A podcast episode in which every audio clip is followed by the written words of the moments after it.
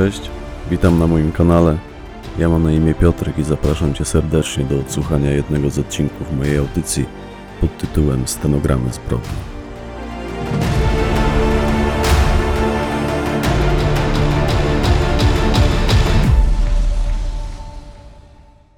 Proceder, część pierwsza. Fragment stenogramu rozmowy z Jerzym S., pseudonim Dziadek. Pierwszy list, który od pani dostałem, trafił tam, gdzie wszystkie, do pudła. Mam takie kartonowe pudełko po butach, stoi tam, na półce za panią. Trzymam w nim listy, które do mnie przychodzą. Widzi pani, jest ich tyle, aż się z niego wysypują. Znaczy, tam znajduje się tylko część tych listów, bo sporo ich też wyrzuciłem. Z reguły te, gdzie już na kopertach były powypisywane obelgi pod moim adresem, bo takie też się trafiają, staram się ich nawet nie brać do ręki. Klawisze wrzucają mi jak każde przez lufcik, im je potem oddaję z pustą miską, a odkąd trafiłem tutaj, to najczęściej zwyczajnie wypierdalam je przez okno. Rozrywam kopertę, czytam nagłówek, przelatuję wzrokiem treść. Jeśli są tam jakieś obelgi, to jeb za okno. Ono się niestety nie otwiera, tylko lekko uchyla. Ta wewnętrzna krata dociska je i nie pozwala go otworzyć. To specjalnie jest tak skonstruowane, ale okno uchyla się wystarczająco, by przeszła tamtędy koperta. Widocznie ktoś tam na dole potem te listy sprząta, bo jakoś do tej pory nikt nie miał o to do mnie pretensji. A może dalej tam leżą, kto je tam wie. W sumie nawet nie wiem, gdzie one lądują, może na jakimś dachu. Nie wiem, z której strony zakładu obecnie się znajduje, bo ja nie znam tego zakładu. Swego czasu przerzucali mnie z celi do celi, aż się zupełnie pogubiłem. Tym bardziej, że prowadzali mnie korytarzami z workiem na głowie. Wiem tylko, że okno mam od wschodu, bo już od rana pojawia się za nim słońce, a po południu znika. I że jestem na czwartym piętrze, bo policzyłem sobie piętra, gdy mnie tu prowadzili. I akurat ten list też trafił do pudła. Wcale nie miałem zamiaru go czytać. Podobnie jak kolejnych, które mi pani przysłała. Ale jakiś czas temu coś mnie naszło i przeczytałem je wszystkie. Co więcej, potem nawet na nie odpisałem, mocno zaskakując tym samego siebie. Wcześniej nigdy tego nie robiłem, z nikim nigdy nie korespondowałem. Być może dlatego, że kiedy siedziałem jeszcze w wieloosobowej celi, to nie narzekałem na brak zajęć. Tam mieliśmy radio, a na świetlicy telewizor i konsole. Nie czytałem książek, rzadko czytałem listy, które do mnie przychodziły. Z reguły gówno mnie interesowało, co w nich jest i kto je napisał. Zupełnie nie zaprzątałem sobie głowy tym, czego ci wszyscy ludzie mogą ode mnie chcieć.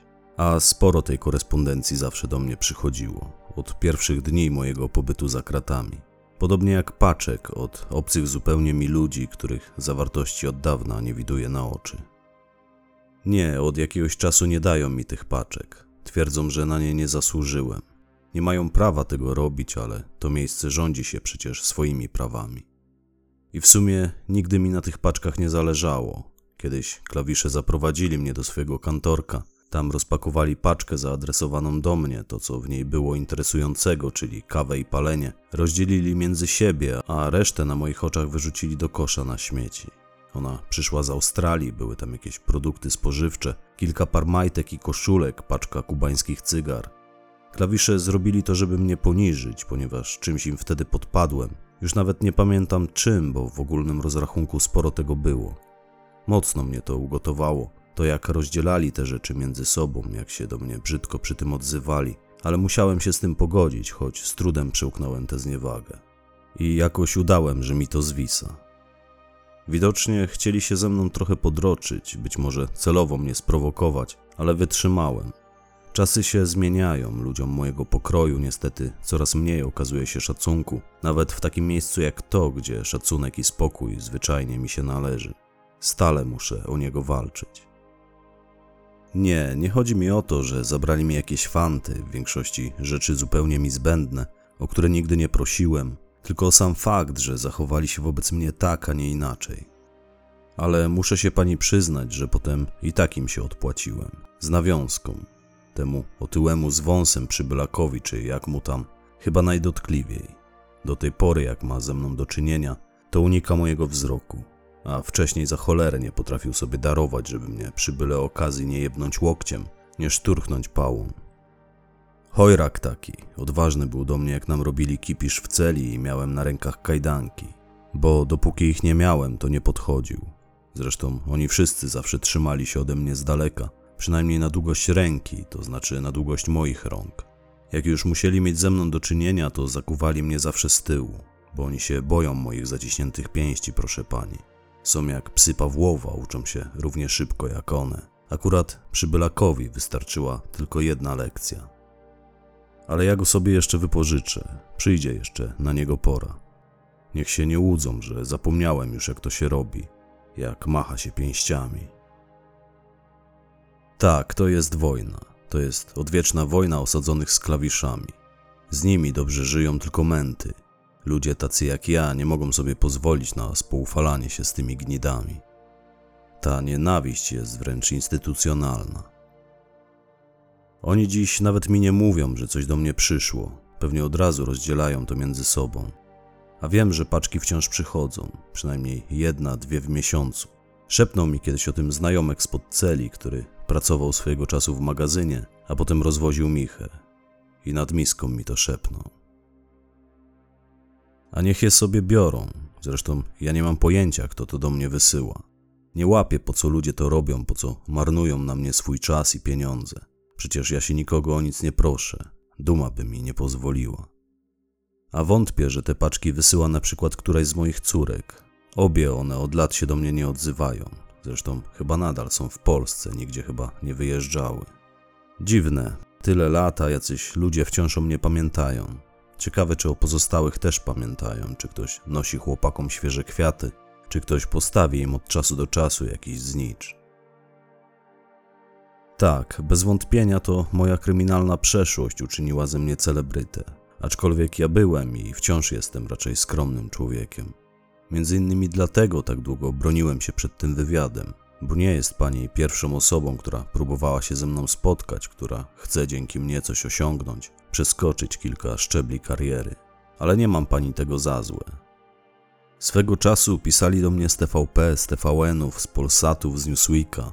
Zresztą zewsząd do mnie pisali, nawet jacyś pisarze kryminałów do mnie pisali, żebym im zapodał kilka pomysłów na nowe treści. Mogę się tylko domyślać, czego ci wszyscy ludzie chcieli, bo większości z tych pism nigdy nie otworzyłem, ale pewnie chcieli tego samego co pani. Te listy z różnych telewizji i tak dalej też należą do kategorii tych, które od razu lecą przez okno. Ma pani szczęście, że wstawiła się za panią pani styczeń, mama Tomka, bo też wylądowałaby pani za oknem. Nienawidzę dziennikarzy, przynajmniej nienawidziłem do niedawna. Nigdy wcześniej nie udzieliłem żadnego wywiadu ani słowa nie powiedziałem do kamery, tym bardziej na sali sądowej, choć wielokrotnie podtykali mi tam mikrofony pod nos. Ja to wszystko przemilczałem, nigdy nie złożyłem żadnych zeznań, żadnych wyjaśnień, nigdy się nikomu nie pucowałem. Pamiętam, jak odczytano mój wyrok, wstałem z ławki, ukłoniłem się grzecznie, pomachałem moim córkom i pozwoliłem się strażnikom odprowadzić. To było wszystko świeże jeszcze. Ja nie miałem głowy do tego, żeby się bronić, a chcieli nas szybko skazać, bo to rozeszło się po mediach. Ludzie wybałuszali gały, zaczęli pytać, jak to możliwe, że wśród nich tak dobrze żyło się bandytom. Zresztą dowody były zbyt mocne, bym cokolwiek ugrał, aczkolwiek spora część też była zmyślona. Adwokaci zwodzili mnie, mówili mi oczywiście, że dadzą radę i tak dalej, ale ja wiem, że tu chodziło o to, by zedrzeć ze mnie jak najwięcej. Pieniędzy miałem wtedy dużo, zresztą dalej mam ich dużo, choć pewnie nigdy już mi się nie przydadzą, ale ja też nie lubiłem nimi szastać, chyba jako jedyny sferajny i sporo mi ich zostało. Nie wiem, czy dobrze zrobiłem, bo mocno na nasz temat nakłamano, chłopaki z wiadomych powodów nie mieli jak się bronić, a ja nie chciałem. Ale dzisiaj chcę. Spotykam się tu z panią, by kilka rzeczy sprostować, by bronić dobrego imienia mojego i reszty ferajny. Znaczy dobrego imienia w środowisku kryminalnym, bo wśród zwykłych ludzi byliśmy i będziemy po prostu bandytami. Ale dla nas, bandytów, tak jak i dla zwykłych ludzi, też najważniejsza jest prawda. I stąd postanowiłem się z panią spotkać. Mam nadzieję, że uda się pani wydać tę książkę jeszcze przed moim zgonem. Po prostu chciałbym ją przeczytać, moją biografię. Aczkolwiek nie łudzę się, że w tym wszystkim chodzi nie o mnie, a o Lutego, bo to przecież o niego chodzi, prawda? Więc witam panią w moim królestwie. To jest moja cela, nad nami wisi moja lampa. Tam jest moja prycza, zresztą jedyna przecież w tej sali. Brakuje w niej kilku sprężyn, jest przez to cholernie niewygodna. Wisi się praktycznie tuż nad ziemią, ale nie mam tych sprężyn czym zastąpić. Poprosiłem kiedyś o kawałek drutu albo sznurka, żebym mógł tam sobie chociaż na miejsce tych sprężyn porozciągać jakiś sznurek, ponaciągać to drutem, ale klawisz spojrzał na mnie jak na idiotę. Mówię do niego, bucu jebany, daj kawałek sznurka, przecież się nie dygnę. Ale nie było o czym gadać, niepotrzebnie sobie tylko postrzępiłem język. Nie dadzą mi nic, czym mógłbym zrobić sobie krzywdę, a tym bardziej któremuś z nich. Jak pani spojrzy pod stół, to zobaczy pani, że nie mam nawet sznurówek. Tak, panią pozbawili sznurówek z tego samego powodu. Widziałem, jak pani tu wchodziła, że ich pani nie ma. Domyślam się, że ten płaszcz, w którym pani przyszła, też normalnie przewiązywany jest jakimś paskiem, bo widziałem, że ma szlówki i ten pasek też pani zabrali, nie? No mówię tutaj, to normalna procedura. Tego stołu, przy którym siedzimy na co dzień tutaj nie ma. Przyniesiono go tylko po to, byśmy mogli się spotkać, a żeby to mogło nastąpić, ja musiałem zostać do niego przykuty. No trudno, to niewielka dolegliwość jak na możliwość spotkania się z panią. Z kimkolwiek zresztą. Jak przychodzi do mnie adwokat albo prokurator, który chce mi postawić kolejne zarzuty, bo to od czasu do czasu się zdarza, to zawsze mnie do tego stołu przykuwają. Przynoszą tu ten stół i to jest znak, że będę miał widzenie. Bo oni nie gadają ze mną. Nigdy nie wiem, kto będzie moim gościem. Mówiłem, wojna. Dawno nie czułem zapachu damskich perfum, a może to szampon. W każdym razie obstawiam, że to coś ma w swoim składzie olejek kokosowy. Chyba się nie mylę. Lubię zapach olejku i mleczka kokosowego. Jak pani tu weszła i on rozszedł się po celi, to przypomniały mi się piękne czasy. Może nawet pani o nich opowiem. No dobra, to część opowiem już teraz. Byłem kiedyś w Tajlandii, w Bangkoku, na wczasach, ale nie z żoną, tylko już wtedy z jakąś dupą. No i z ferajną. I tam przy ulicy siedział sobie na taborecie taki facio, obierał te kokosy, przelewał ich zawartość do kubków, sprzedawał turystom. Miał niezłego skilla w tym, co robił, świetnie posługiwał się tasakiem. I tam wokół niego pachniało podobnie jak teraz tutaj. Mówię, to z pewnością mleczko kokosowe, tylko teraz zacząłem powątpiewać, czy to perfumy, bo raczej perfum się z tego nie robi, a więc szampon. No i mówiłem, tak mi się właśnie zdawało, że to szampon będzie. Więc to jest moja prycza, tam jest moja półka, tam jest moje pudło na niechciane do niedawna listy, za tamtą kotarą jest mój kibel. To jest cela jednoosobowa dla niebezpiecznych, a ja jestem jej jedynym mieszkańcem, jestem tu jedyną florą i fauną, więc wszystko jest tu jakby moje. Ściany są świeżo odmalowane, bo sam je sobie odmalowałem. Akurat skończyłem przed kilkoma dniami, ma więc pani szczęście. Jeszcze tydzień temu było tu dużo bardziej ponuro. Niestety, panujący tu na co dzień zapach się nie poprawił, a liczyłem, że tak się stanie. Chciałem godnie panią przyjąć. Normalnie szlak mnie tu już trafiał. Znudziło mi się leżenie, siedzenie, stanie w kącie, robienie pompek, czytanie tych książek. Bo ja odkąd trafiłem do tej celi, czytam przynajmniej jedną książkę tygodniowo. Proszę spojrzeć na półkę, ile ich tam leży, albo na kaloryfer. Te po lewej są już przeczytane, te po prawej wciąż czekają, ale przeczytam je wszystkie do końca tego kwartału. Potem będę musiał je oddać. A jest tam na przykład archipelag Gułak Sołżenicyna. Zawsze chciałem go przeczytać. Kiedyś nawet zacząłem czytać pierwszy tom, jeszcze na wolności, ale to ciężka książka i niewiele z niej do mnie docierało. Teraz, gdy od dziewięciu lat błąkam się po różnych celach, myślę, że bardziej przypadnie mi ona do gustu.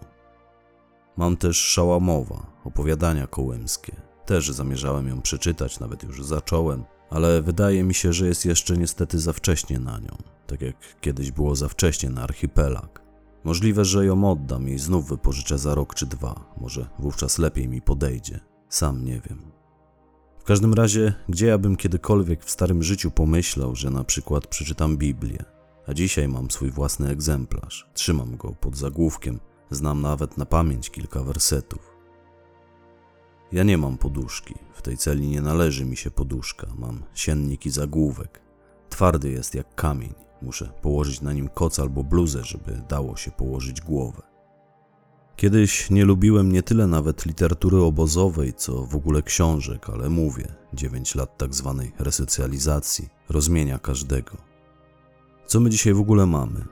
A, wtorek, bo ja nie wiem. Nie pilnuję dni ani dat, nie interesują mnie one. Mam tak długi wyrok i jestem już w tym wieku, że z datami mi nie po drodze. Nie spodziewam się zresztą kiedykolwiek wyjść na wolność. Dlatego nie sprawdzam, nie pilnuję ani dni, ani dat. Wiem, kiedy jest weekend czy jakieś święto, bo klawiszy jest wtedy mniej na oddziale. Mniej tupania słyszę za drzwiami. A tak na co dzień to mam to wszystko w dupie. Średnio mnie interesuje nawet pora roku. Wystarczy, że po temperaturze w celi czuć, jaka pogoda panuje za oknem. Proszę sobie wyobrazić, że ten kaloryfer nigdy nie był tak gorący jak dzisiaj. Co więcej, on nigdy nie był ciepły, ani nawet letni. Widocznie to pani wizyta spowodowała, że puścili mi tu trochę pary, bo tu jest parowe ogrzewanie. Puszczają z kotłowni parę w kaloryfery mniej więcej raz na 4 godziny, na 15-20 minut. Potem znów przez kilka godzin nie są zasilane i stają się zupełnie zimne. I one wówczas chłodzą zamiast grzać, dlatego owijam mój kaloryfer tymi szmatami. Dzisiaj go odwinąłem, bo zaczął grzać jak nigdy. W sumie to nie są szmaty, tylko filcowy koc i jakieś moje ciuchy. Owijam go, żeby mi tu nie wyziębiał powietrza. Mówię, jakby nie pani wizyta, to by mi tu dzisiaj para leciała, ale z ust. Siedziałbym jak co dzień okryty wszystkim, co mam. Na szczęście klawiszy też to dotyczy, tylko że te kurwy siedzą pochowane w swoich kanciapach i dogrzewają się tam farelkami. Oni wiedzą, że tu jest zimno jak na Syberii, dlatego więźniowie mają ciche przyzwolenie, by mieć w celi trochę więcej swoich ciuchów. Nie, przez to okno nic się nie da zobaczyć, ono już takie jest. Można w nim uchylić tylko niewielką szparę, taką, żeby akurat zmieścił się tam list. Specjalnie jest zamalowane farbą, żeby nic nie było przez nie widać, żebym tu oszalał. Ja tam sobie część tej farby zeskrobałem, ale i tak nic nie widać. Tylko niebo i kawałek jakiegoś osiedla. Nie wiem jakiego, bo Rzeszów to obce mi miasto. To miała być kara, bo postawiłem się kiedyś szefowi oddziału. W sumie to skończyło się to dla niego złamanym nosem. Ale mógł mnie nie popychać, ja nie jestem popychadłem. Przyszedłem do niego na skargę, aczkolwiek nie powinienem był w ogóle z nim gadać, ale zabrali mi wtedy książki, a bez książek tu można bardzo szybko ześwirować. Ja trzy miesiące prosiłem się o tę wizytę, ale nie poszła nam ta rozmowa i on mnie bezczelnie próbował wypchnąć z kantorka. A wcześniej, jak to zwykle bywa, udawał takiego prowolnościowca, nakazał klawiszom zdjąć mi kajdanki. I jak tylko mnie dotknął, od razu mi ciśnienie skoczyło, a pięści same mi się zacisnęły. Nie lubię, jak ktoś mnie popycha.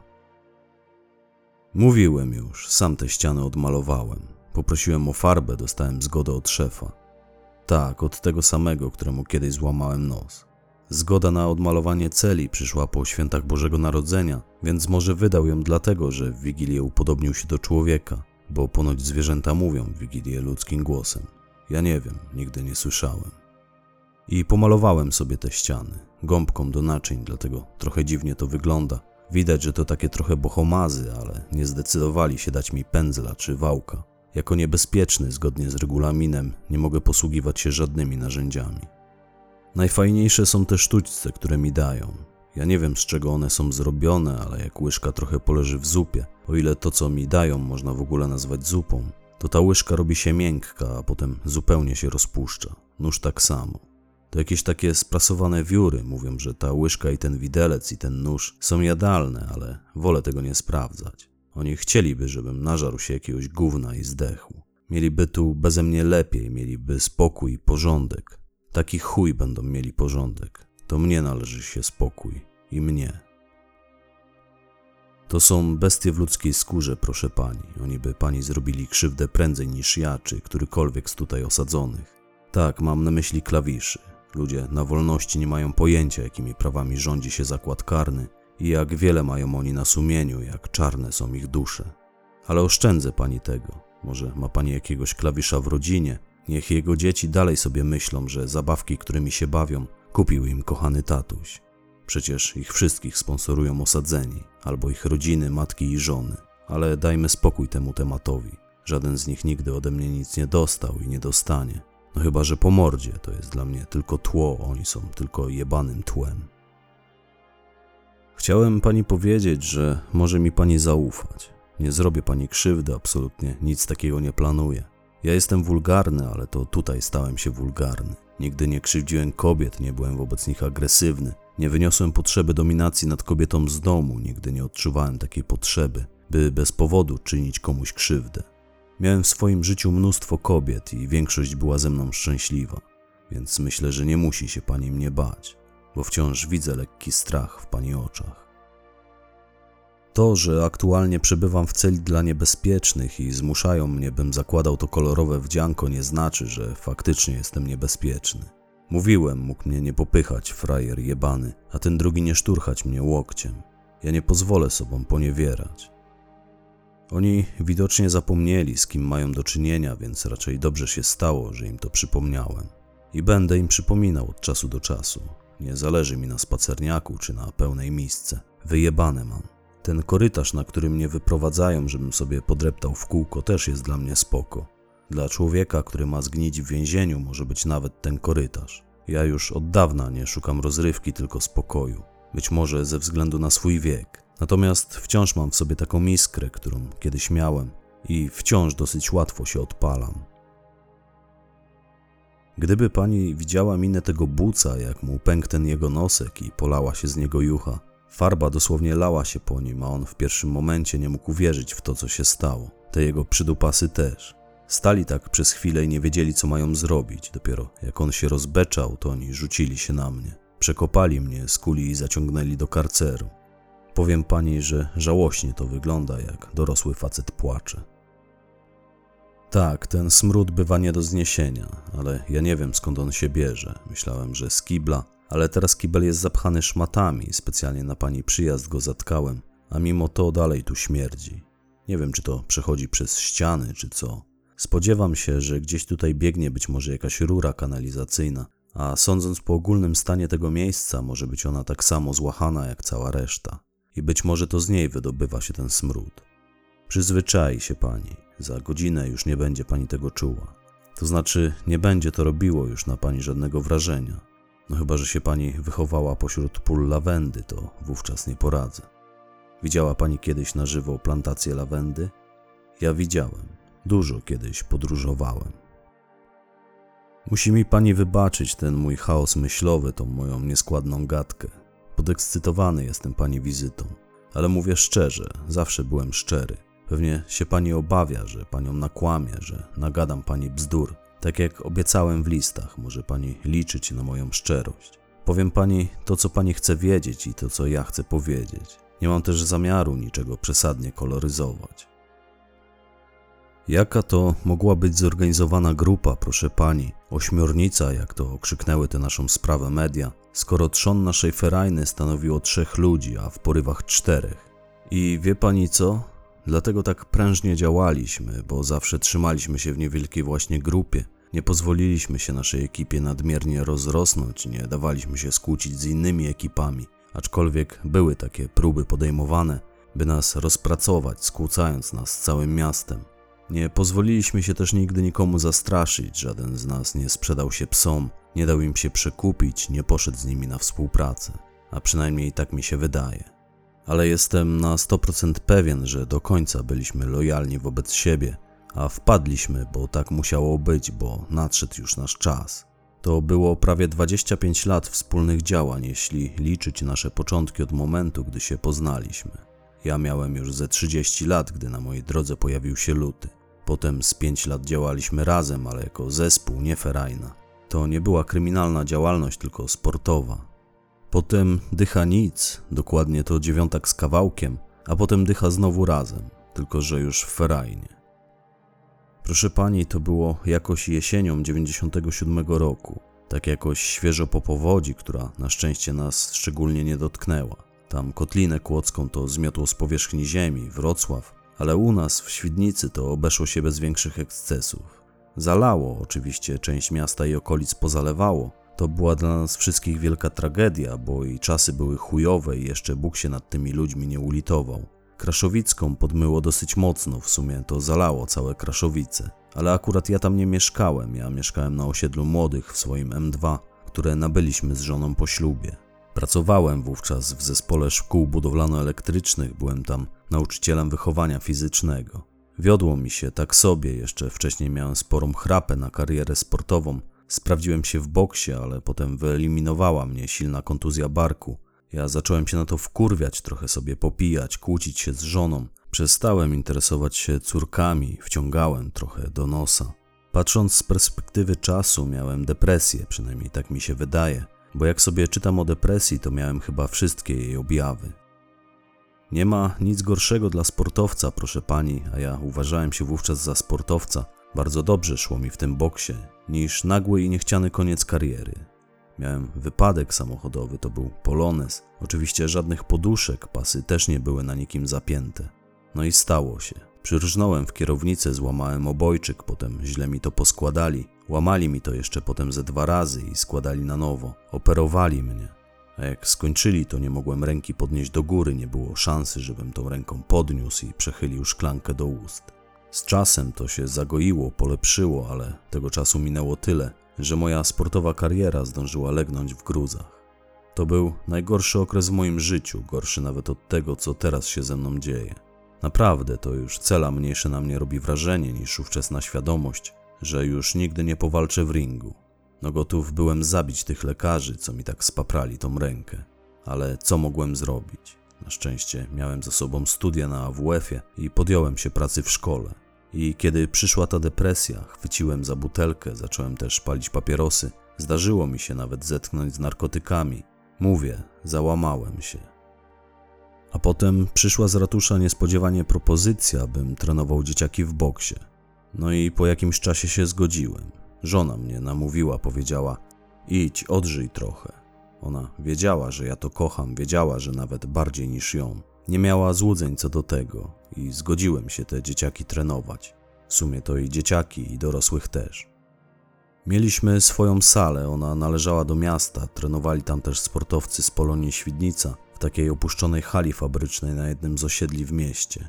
Ja też byłem tam trenerem. Odżyłem dzięki temu faktycznie. Mniej zaglądałem do kieliszka, podciągnąłem się psychicznie i fizycznie. Robiłem to potem ładnych kilka lat ze sporymi sukcesami. Miałem w tym czasie kilku znanych w świecie boksu wychowanków. Szczególnie jednego dobrze wspominam. I mówię, to był 97 rok, jakoś krótko po powodzi.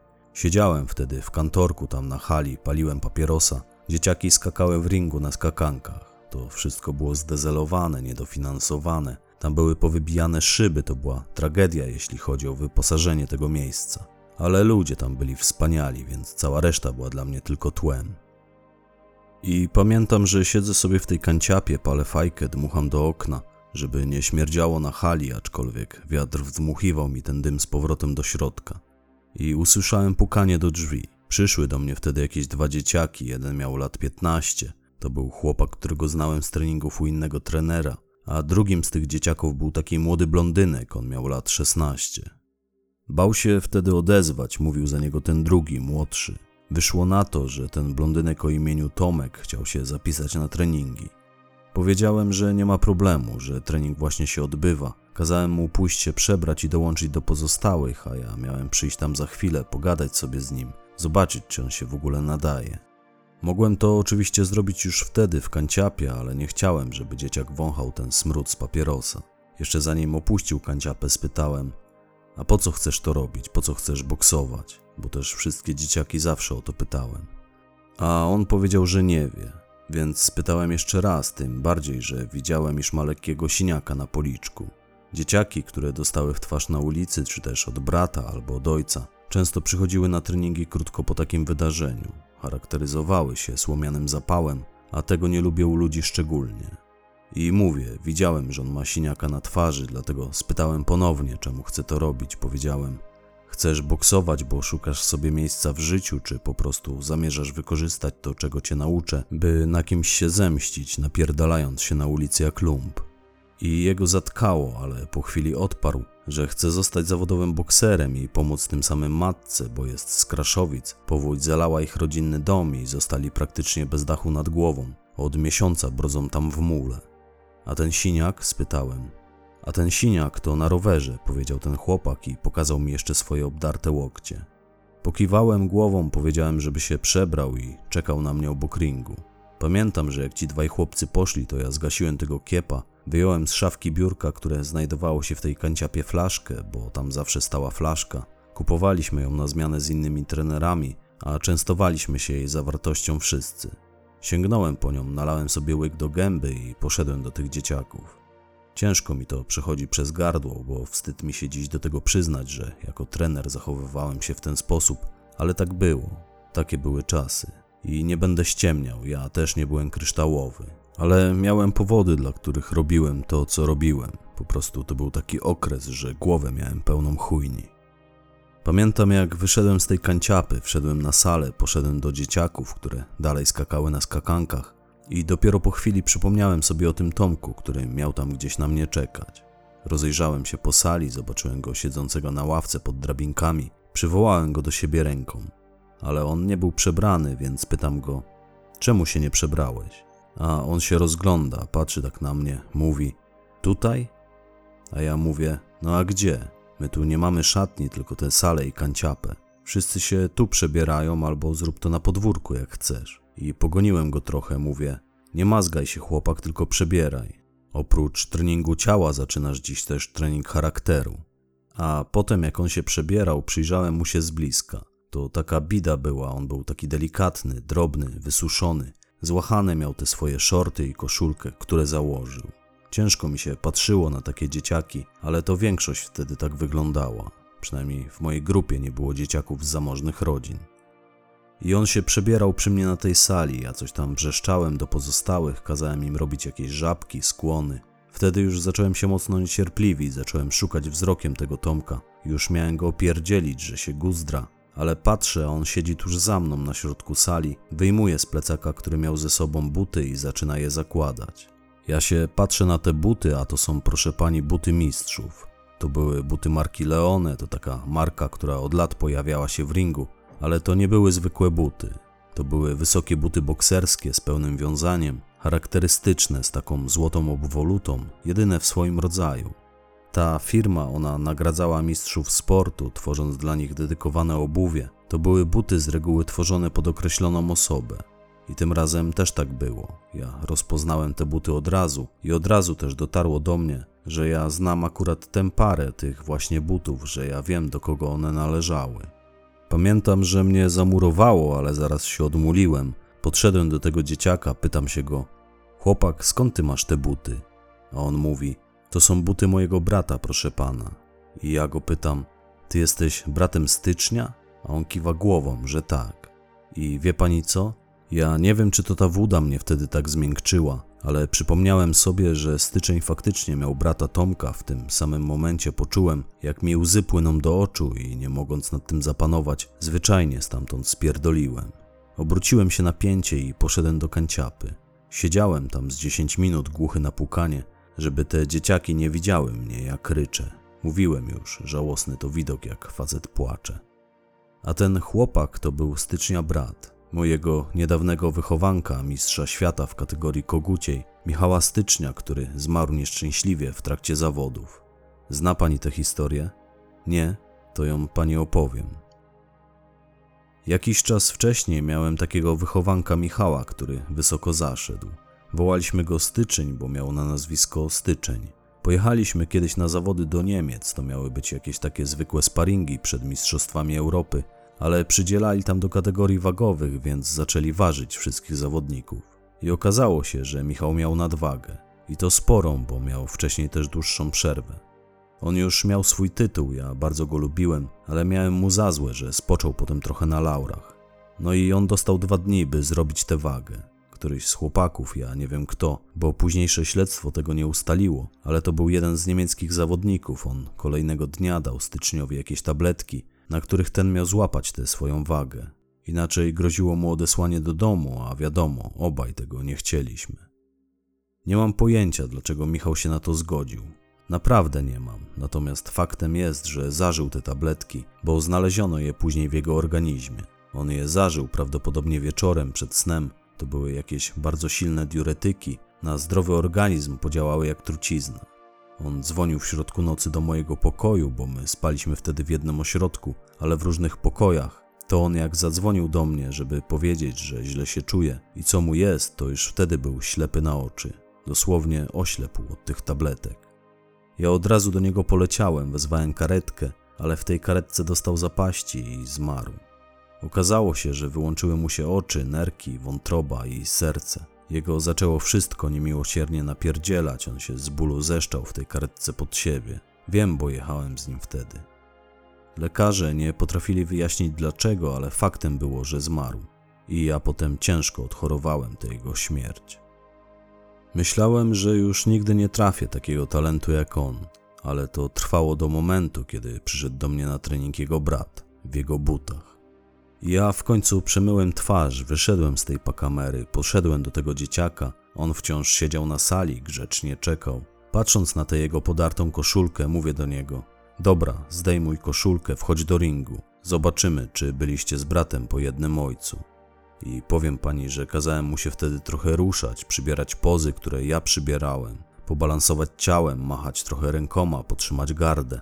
I patrząc tam wtedy na niego, przyglądając mu się z każdej strony, czułem, jakbym miał przed sobą Michała, a miałem przecież Tomka. Dotarło do mnie, jaki skarb mi się trafił, jaki nieoszlifowany diament. Ja nie ukończyłem wtedy tego treningu. Powiedziałem tym wszystkim dzieciakom, że źle się czuję i musimy go przełożyć. Tomka odwiozłem do domu, ale nie odprowadziłem go do drzwi, bo raczej nie byłbym mile widziany w oczach jego matki. Nie wiedziałem, że już wtedy mówią na niego luty, dlatego że miał na nazwisko styczeń, ale nikt nie chciał wołać na niego tak, jak wołano na jego brata. I stąd też Tomek nosił przydomek luty. Tak, tak właśnie go poznałem, tak zaczęła się nasza wspólna z lutym przygoda. Naprawdę chce pani usłyszeć ciąg dalszy? No to zaczynamy.